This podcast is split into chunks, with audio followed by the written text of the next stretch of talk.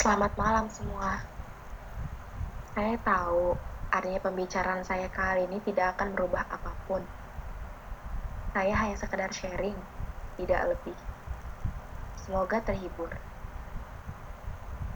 Saya benar-benar tidak menyangka semua terjadi dengan begitu cepat.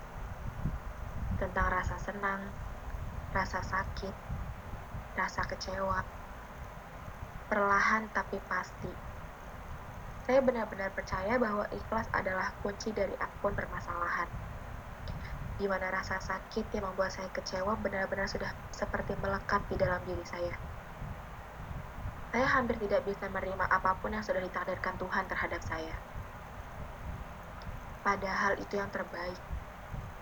Andai saja jika Tuhan tidak menjauhkan kami kala itu, mungkin kali ini saya sudah disakiti begitu dalam oleh lelaki itu. Harusnya saya peka dengan jalan takdir yang sudah digariskan Tuhan terhadap saya. Yang saya pikirkan waktu itu hanyalah untuk apa Tuhan memberikan kebahagiaan yang hanya numpang lewat di dalam hidup saya? Untuk apa? Pertanyaan saya seperti itu yang sudah jelas-jelas sangat menyakiti diri saya sendiri.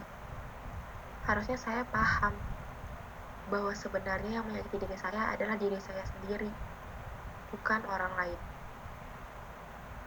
Dan di sini semua sudah terjawab bahwa ketika kita ikhlas tentang apa pun yang membuat kita sakit pada kala itu, pasti akan disembuhkan.